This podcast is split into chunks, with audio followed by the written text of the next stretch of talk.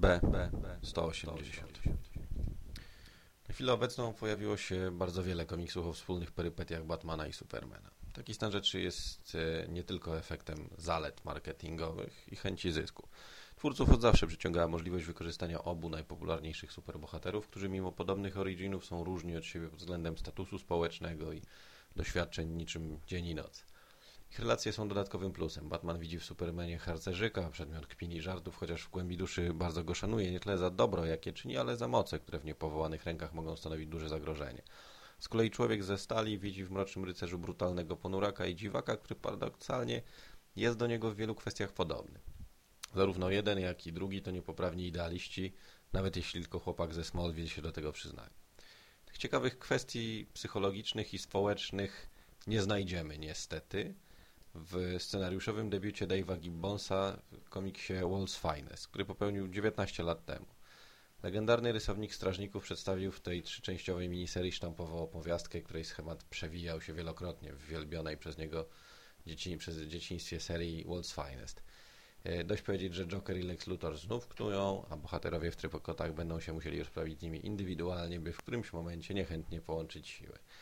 Nic nowego, nic ciekawego, wątki poboczne mające na celu uatrakcyjnie fabuły i nadanie jej skomplikowanej struktury wcale nie pomagają, ale dodatkowo męczą i nie pozwalają przejść do ostatniej strony komiksu. O ile scenariusz stoi na wyjątkowo niskim poziomie, to rysunki w tym albumie są prawdziwym majstersztykiem.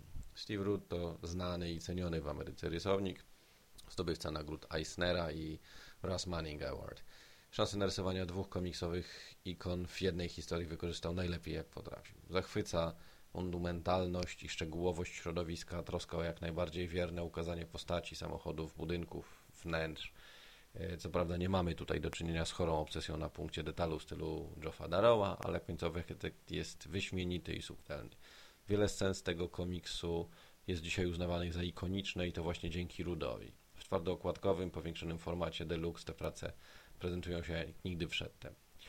E, koniec końców uważam, że World's Finest jest komiksem do oglądania niekoniecznie do czytania. Jedynie starsi czytelnicy, którzy pamiętają jeszcze dawno zamkniętą serię World's Finest, mogą wyczuć w fabule sentymentalny powrót Gibbonsa do niewinnych czasów młodości, kiedy to wchłaniał bez opamiętania każdą historię o Supermanie i Batmanie.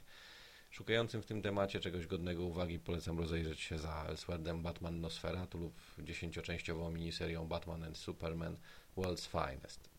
Pierwsza z iście mitologicznym kunsztem pokazuje istotę relacji dwóch herosów, druga zaś przedstawia jej rozwój na przestrzeni najważniejszych wydarzeń w uniwersum DC przez dziesięciolecia.